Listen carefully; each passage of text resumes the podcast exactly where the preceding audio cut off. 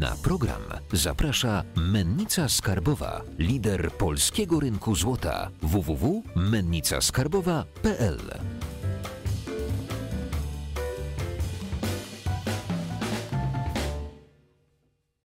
Witam Was na kanale Finansowy Preppers. Dzisiaj zgodnie z obietnicą znowu gości u nas Kamil Gancarz. Dzień dobry Państwu, cześć Jacku. Kamil na co dzień też doradza y, w inwestycjach, jak zbudować portfel inwestycyjny, doradza inwestorom i dzisiaj y, takiej porady udzielisz dla naszych widzów. Y, powiesz nam, jak w tym okresie, w tym y, okresie po covid zbudować portfel inwestycyjny. Mhm. No pierwsza, najważniejsza rzecz, w której się znajdujemy, to znajdujemy się w otoczeniu ujemnych stóp procentowych, realnych stóp procentowych. Realna stopa procentowa to będzie stopa nominalna albo taka, która możemy uzyskać na przykład na lokacie bankowej, pomniejszona wskaźnik inflacji, tak? Stopa realna to jest taka stopa, która mówi nam o tym, ile jesteśmy w stanie na przykład uzyskać na lokacie w banku pomniejszając to wskaźnik inflacji. No jeżeli weźmiemy pod uwagę dzisiejszą inflację, a szczególnie tą, która niekoniecznie jest publikowana, ale która realnie nas dotyczy, tak? No bo obserwujemy wzrost cen żywności, wzrost cen różnych usług, nawet fryzjerzy biorą dzisiaj 20% więcej ze względu na te różne dodatkowe regulacje covidowe, czyli my tak naprawdę obserwujemy, że ta inflacja będzie się zbliżać gdzieś tam pewnie do 10%. To jeżeli na lokacie jesteśmy w stanie zarobić zero albo lekko e, powyżej e, zera, to jak sobie odejmiemy 10%, to to powoduje, że to bardzo wpływa na nasz, yy, w ogóle cało, cały nasz majątek, który jest y, wyrażony w pieniądzu.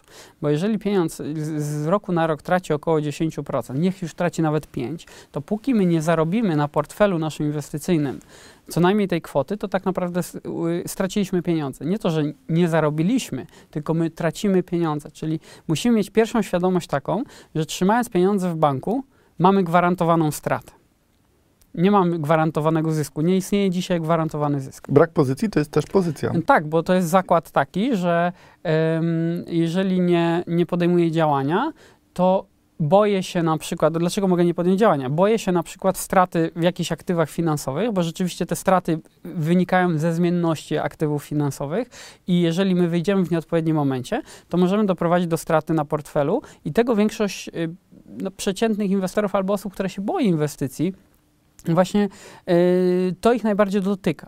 Oczywiście nie mówimy o inwestowaniu w jakieś skamy, piramidy finansowe, tylko mówimy o inwestowaniu na rynku normalnym finansowym, gdzie z, zdarza się duże wahania cen. Wiele inwestorów też y, takich mniej doświadczonych jakby nabywa aktywa, które są y, które już rosły, długo rosły, prawda? Modne aktywa.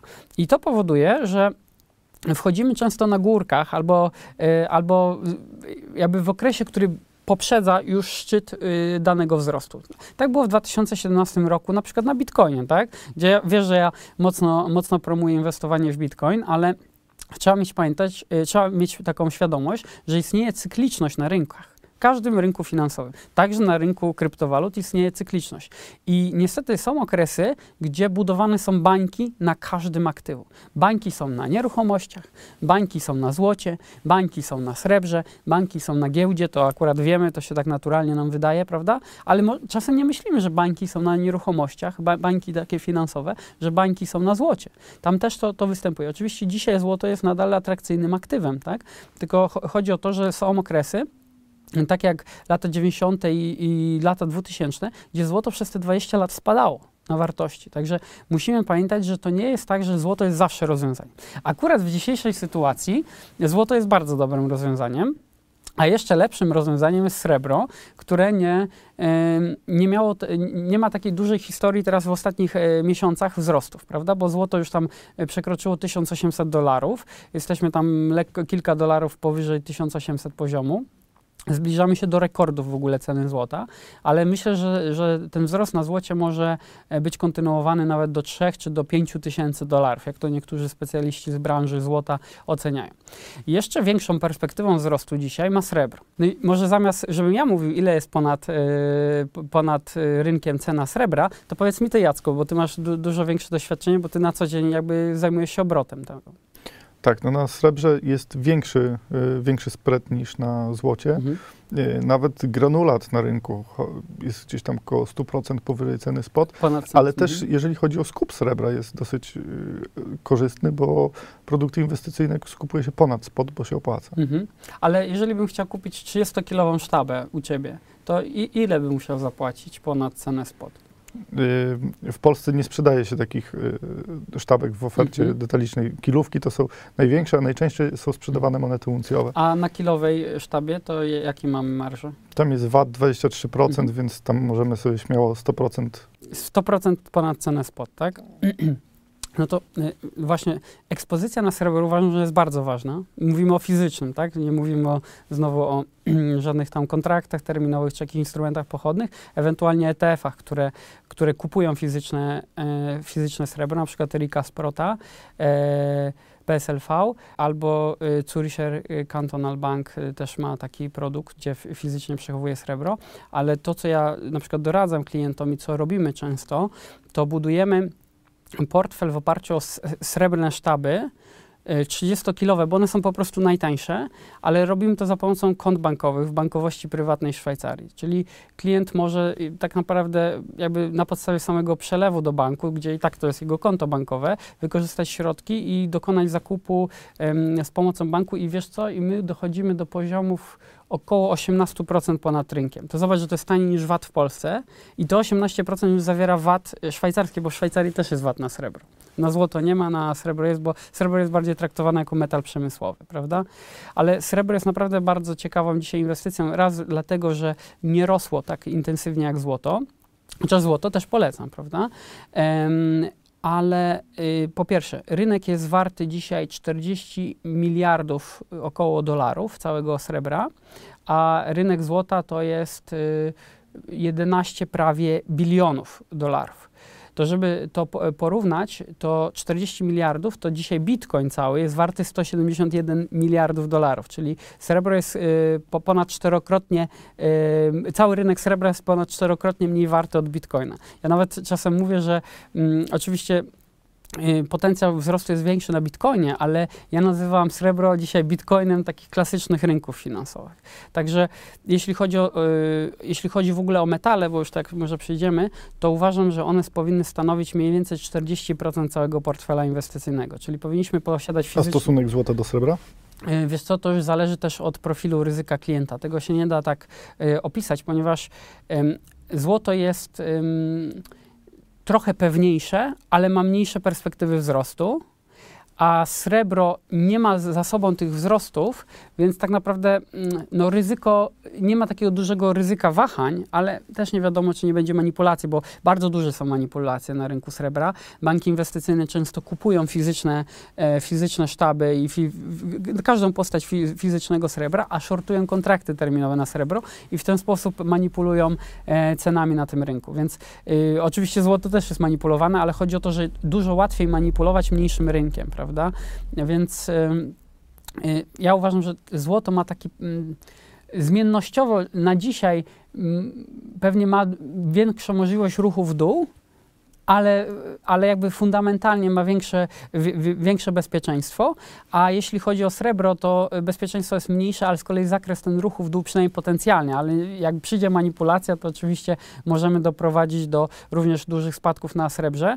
Y, i srebro się będzie słabiej bronić niż złoto. No bo tak, y, koszt wydobycia uncji srebra, jakby liczone kosztem pracowników, amortyzacji, kopalni i tak dalej, to z raportu Silver Institute za 2019 to jest 10 chyba 37 dolara za uncję, a cena jest rynkowa ponad 18, 18 chyba i 4 dzisiaj jest cena, w, w dniu kiedy to nagrywamy oczywiście, 18,4 dolara za uncję, więc zakres tego spadku y, nawet do kosztów produkcji jest bardzo niewielki. Poza tym ten poziom między 15 a 18 bardzo długo się otrzymywał. Tak naprawdę y, po ostatnich spadkach, y, tam chyba pod koniec 2011 roku, po tych dużych wzrostach, gdzie srebro kosztowało 50 za uncję, potem spadło do tych właśnie poziomów tam 15, 11, 12, to srebro cały czas jest w trendzie bocznym i teraz dopiero zaczynamy, zbliżamy się do tego wybicia, więc podział może być pół na pół, może być tak, że na przykład 70% nawet y, portfela czy 80% będzie, w sensie tej części metalowej będzie w, srebrze, a reszta będzie w złocie. Pamiętajmy też, że łatwiej jest y, sprzedać złoto, prawda? Bo jeżeli przyjdziemy do menicy z, y, z monetą, to bardzo łatwo ją sprzedamy, prawda? Tak, znaczy u- u nas w Polsce inwestorzy głównie kupują srebro w postaci monet uncjowych. Mhm. Na to jest y, trochę obejście na wacie, ale to i tak jest, y, to i tak jest drogo. Ten spread jest dosyć duży. Y, Ludzie się spo- spodziewają naprawdę bardzo spektakularnych y, zysków na srebrze. Mhm.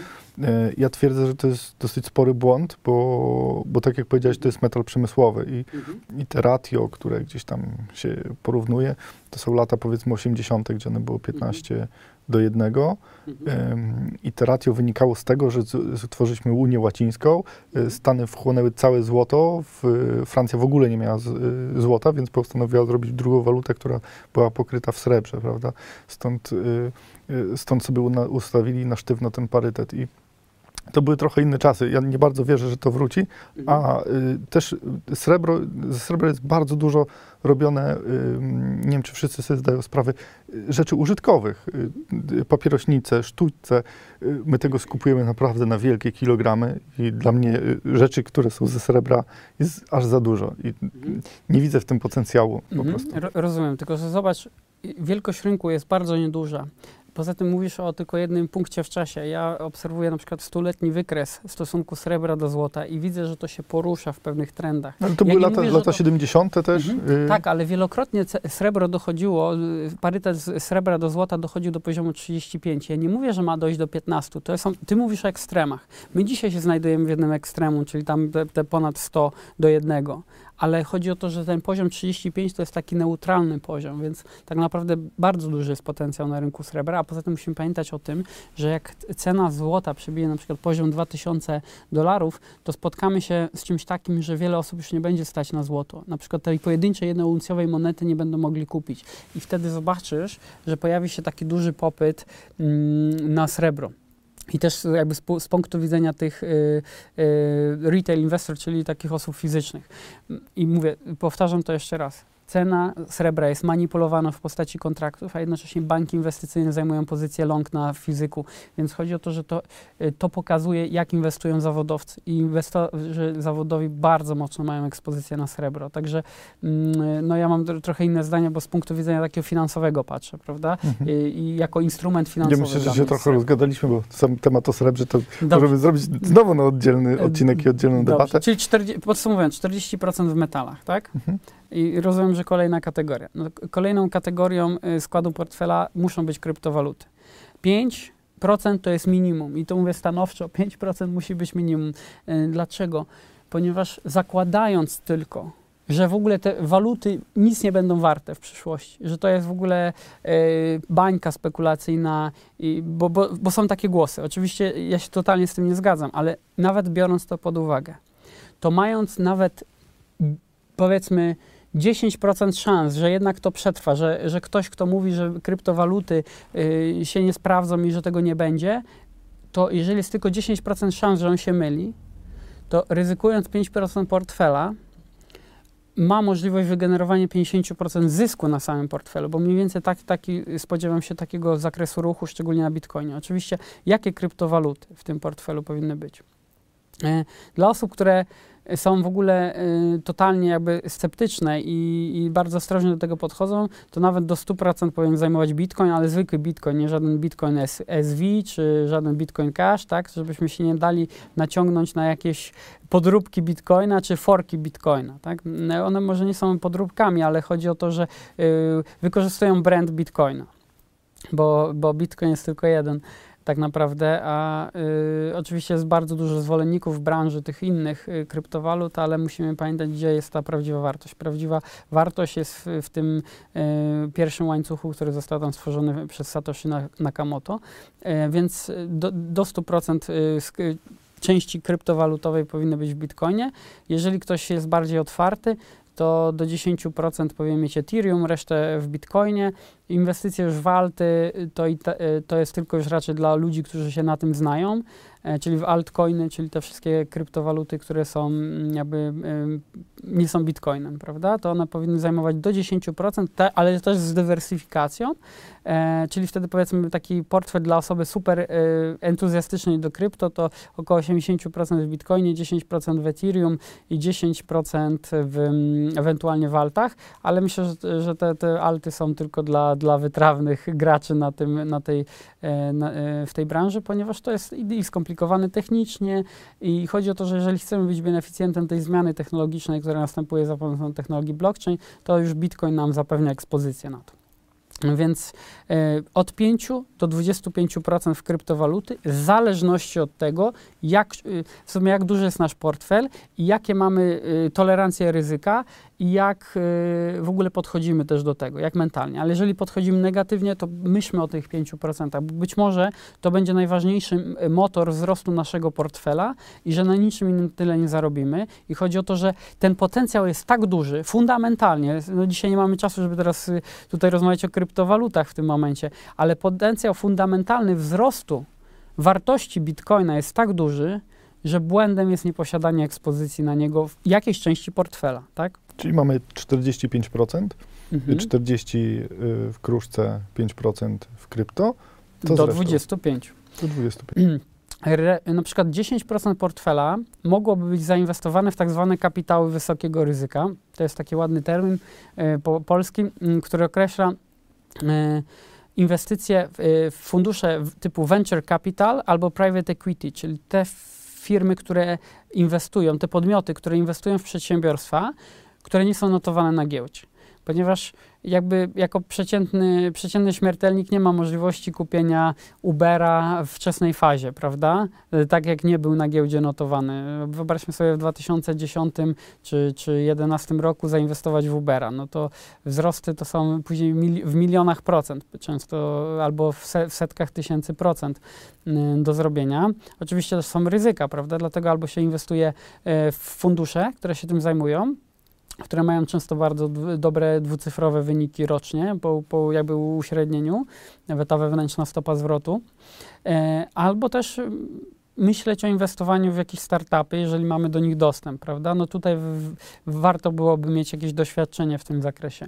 Więc y, większość inwestorów, czy w ogóle mm, nawet na myślę polskiej scenie czy to, co jest dostępne na YouTubie, mało chyba kto porusza w ogóle, że można inwestować y, tak zwane no, te kapitały wysokiego ryzyka w branży private equity, a wiele ciekawych transakcji, tak naprawdę te największe zyski są realizowane tam, bo to jest taki sektor trochę, mm, trochę bardziej ukryty.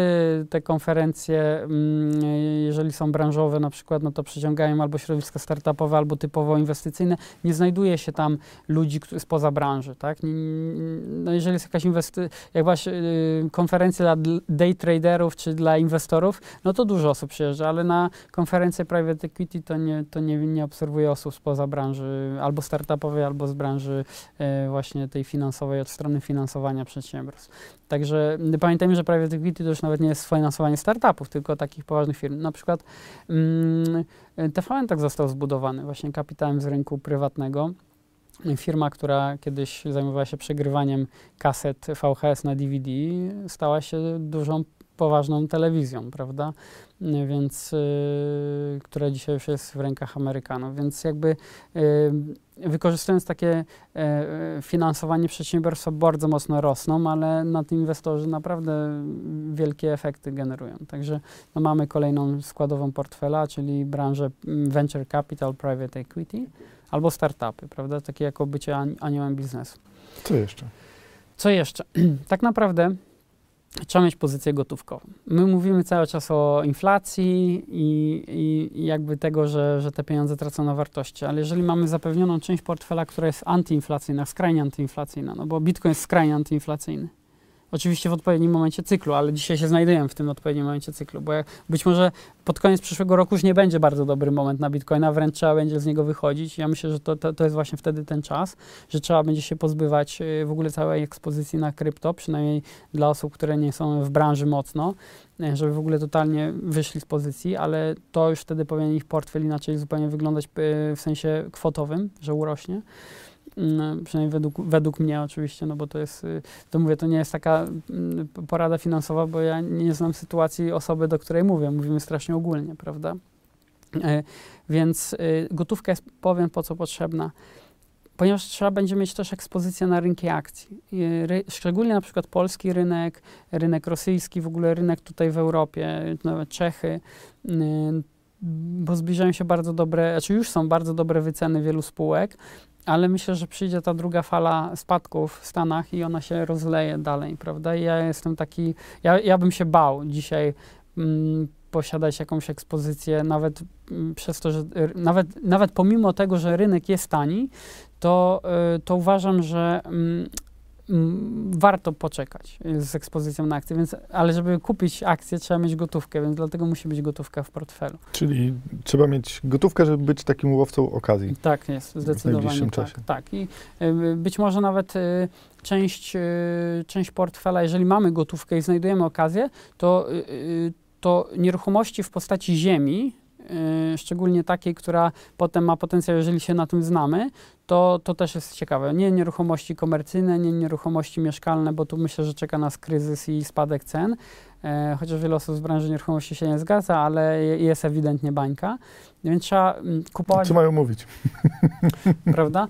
Y, Trzeba kupować tanie aktywa i jeżeli y, znajdziemy odpowiednią okazję na rynku nieruchomości, to też jest, tylko że byśmy nie, nie, szuka, nie myśleli, że nieruchomości to jest nasze dzisiaj zabezpieczenie, bo to jest taka, y, taki błąd poznawczy wynikający z tego, że, że zaczynaliśmy w latach 90., gdzie te ceny były strasznie niskie i wtedy naprawdę wystarczyło cokolwiek kupić, prawda?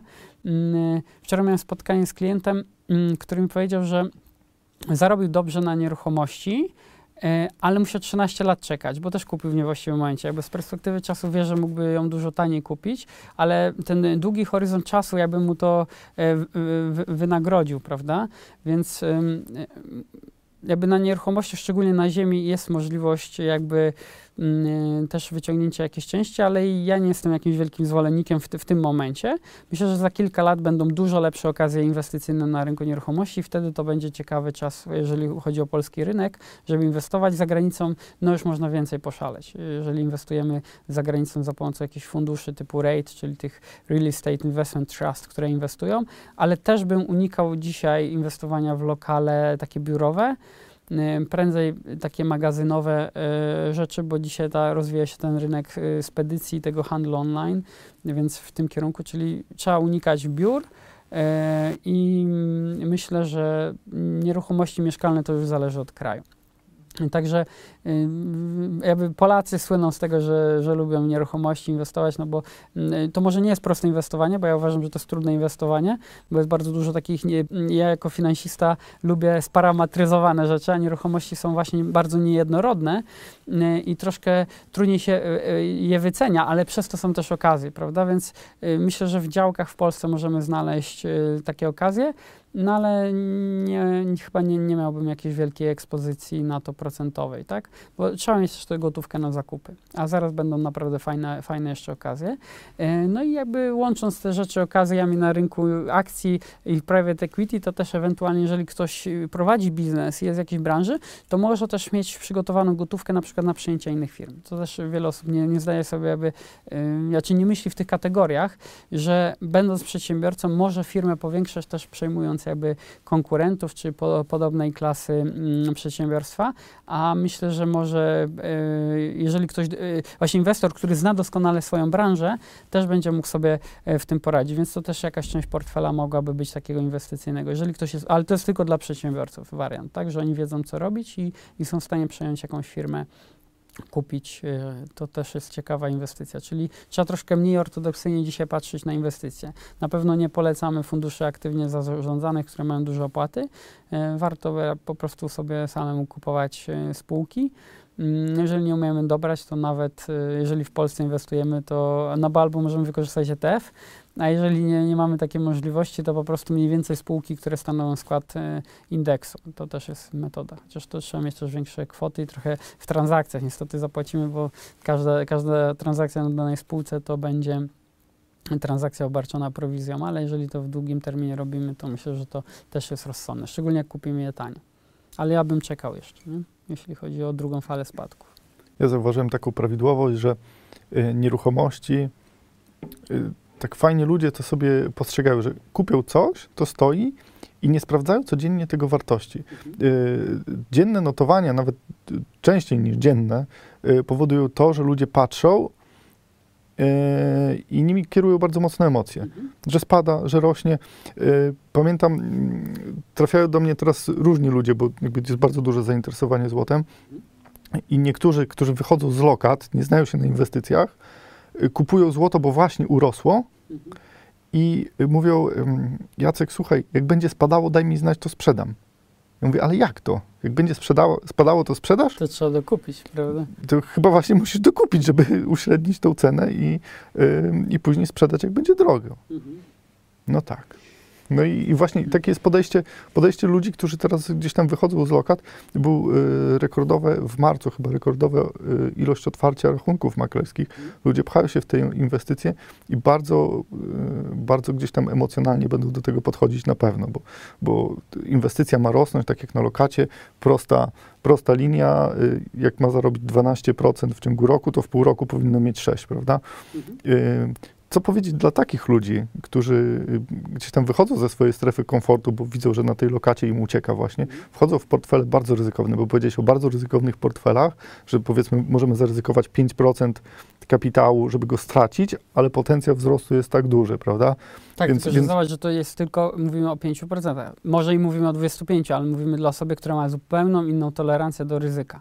Zobacz, że nie, nie mówię, że 50% w krypto, chociaż jestem wielkim orędownikiem, prawda?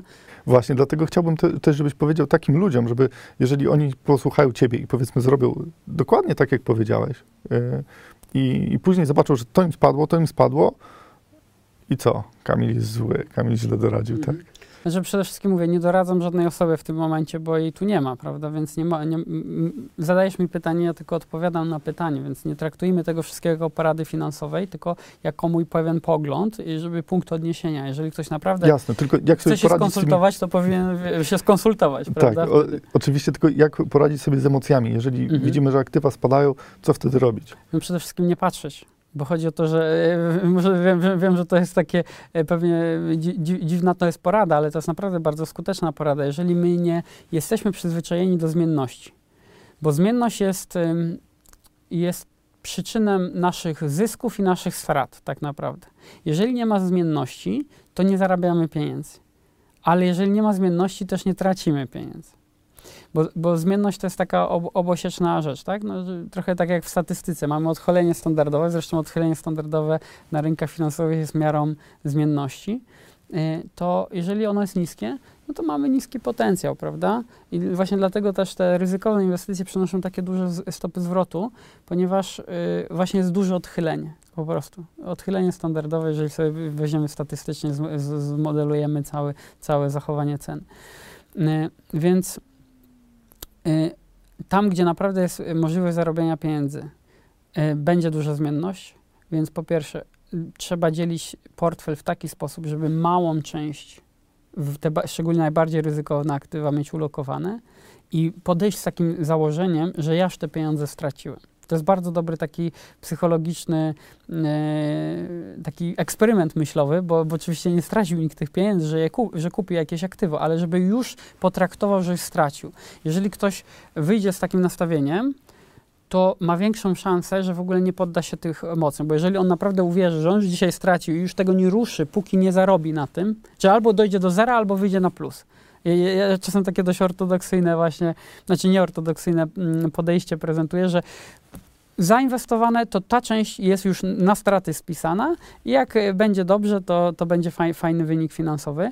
I e, jeżeli ktoś sobie tak z góry potrafi założyć i jeszcze nie sprawdza ciągle, bo jak sprawdza, to to, to założenie przestaje trochę e, mieć mniejszą siłę oddziaływania, bo zaczynają się emocje, tak? Bo widzimy zielone albo czerwone. Dlatego rachunki maklerskie i logowanie się do nich powoduje takie skoki emocjonalne, takie piki hormony się wydzielają e, i zaczynamy podejmować rzeczy niezgodne z naszym planem inwestycyjnym. No niestety inwestowanie jest y, zupełnie odwrotne do naszych naturalnych atawizmów, nawyków, które wykształciliśmy uciekając przed zwierzyną i goniąc zwierzynę, prawda? Czyli polując na zwierzynę i uciekając od niej. Inwestowanie jest totalnie antyintuicyjne. I dlatego jakby musimy wyeliminować te emocje i się bardzo, e, po pierwsze, edukować się w zakresie, żeby rozumieć, dlaczego coś się dzieje, to wtedy mm, jakby edukacja i świadomość tego, po co ja coś zrobiłem, po co ja kupiłem dany instrument, e, świadomość tego, że on spada. No, na Bitcoinie to jest. Myślę, że ludzie, którzy inwestowali w kryptowaluty wcześniej, myślę, że oni są już dobrze wyszkoleni na zmienność, bo jeżeli Bitcoin w marcu spadł 60%, to, to komuś mogło się zrobić ciepło, prawda? Szczególnie jak za dużo zainwestował, prawda? Więc, więc Bitcoin już wielokrotnie pokazał, że jak, jak gra ryzyko i też y, słyszę historię ludzi tracących na Bitcoinie. Ja mówię, a jak to zrobiłeś na przykład? Jak, albo jak, jak to pan zrobił, że pan stracił na bitcoinie? Czy to było tak, że pan kupił na górce, a sprzedał na dołku? No, no, no, no, no tylko tak stracili na bitcoin, no chyba, że zainwestowali w piramidy finansowe, no bo jakby oszustwa to jest bezwzględnie i należy tępić i jakby trzeba oceniać, żeby nie, nie wkładać pieniądze w oszustwa, bo tam to, to już, to nam psychologia nie pomoże, prawda? Więc jakby oszustwa to jest zupełnie inna kategoria, ale jakby abstrahując, zakładając jakiś super idealny świat, że nie ma oszustw, są tylko zmienne aktywa finansowe, które są y, uczciwe, no to y, to sama zmienność i my sami jesteśmy swoim takim dużym przeciwnikiem, tak? Nasza psychologia jest przeciwnikiem, więc pierwsze, edukacja, y, druga, założenie tego, że jak wchodzę w coś ryzykownego, to, to, to, to nie podejmę pod wpływem emocji decyzji, y, no i trzecie, to ta świadomość, po co ja w czymś jestem. Czyli nie tylko edukacja ogólnie, ale też, że wiem, po co mam dany instrument. I to nas trochę chroni przed takim przed tymi emocjami, a najbardziej chroni nas może nie przed emocjami, ale pod podejmowaniem decyzji pod wpływem tych emocji, które się pojawiają. Jeszcze jedno pytanie jak znaleźć ten dołek i tę górkę. No bo mhm. fajnie jest, aktywo rośnie, jest popularne, ludzie kupują, wchodzą na tej górce i właśnie sprzedają na dołku. A jak odwrócić tę sytuację? Mhm. No na akcjach mamy takie standardowe wskaźniki jak cena do zysku, cena do wartości księgowej, cena do sprzedaży, więc y, możemy się tym posługiwać, prawda? E, mamy też cykle koniunkturalne, czyli mamy średnio 7-8-letnie cykle koniunkturalne, które wyglądają, że większa część tego cyklu to jest hossa, no i na przykład od 6 do 18 miesięcy tego cyklu jest bessa. Tylko teraz zostało to zaburzone przez, y, przez dodruk w Stanach Zjednoczonych i hossa była 11-letnia, a powinna być tam 4,5 czy, czy 5-letnia, prawda? Więc y, ale czujemy, że rynek jest za drogi, właśnie, czy, czy wiemy, że rynek jest za drogi, biorąc pod uwagę współczynniki cena do zysku. Dlatego też mówimy o polskim rynku, że, że on jest relatywnie tani w stosunku do wszystkich światowych aktywów, ale ja nadal, mimo tego, że jest tani, chociaż to, to już by było wystarczający argument, żeby, ku, żeby kupić ten rynek. Ja myślę, że jeszcze warto poczekać ze względu na to, co się dzieje w gospodarce. Jeszcze nie wiemy, jak głęboka jest królicza nora, jak, jak wszystko się porozpada, albo jak, jak uderzy to y, w, w w przedsiębiorstwa, no bo akcje reprezentują udział w przedsiębiorstwie. Właśnie też nie zapominajmy o tym, jak ktoś inwestuje w akcje, to nie jest jakiś tam papierek finansowy tylko, tylko to jest realny udział w przedsiębiorstwie. I jakbyśmy podchodzili bardziej do inwestowania w akcje, że ja kupuję, mam kupić tą całą firmę, Albo oczywiście no, nie kupię całej, ale w sensie, żeby z takim nastawieniem, że jak ja bym był jej właścicielem, to czy bym chciał mieć taką firmę, to by też zupełnie inaczej wyglądało. Bo dlaczego, bo co ludzie kupują? Ludzie kupują modne spółki, które rosną, a nie traktując tego zupełnie jako, jako inwestycję, czy jako, mm, znaczy traktują jako inwestycję, ale nie traktują jako inwestycję w biznes tak? Nie, nie, analizują fundamentów biznesu, czy to ma sens. Jakby y, spółka nie była modna i ktoś by przyszedł, słuchaj, kup 100% mojej firmy za ileś tam, oczywiście proporcjonalnie mniej, bo spółka nie notowana na giełdzie, no to często by ci ludzie w to nie zainwestowali, ale inwestują, bo rośnie i bo jest modne.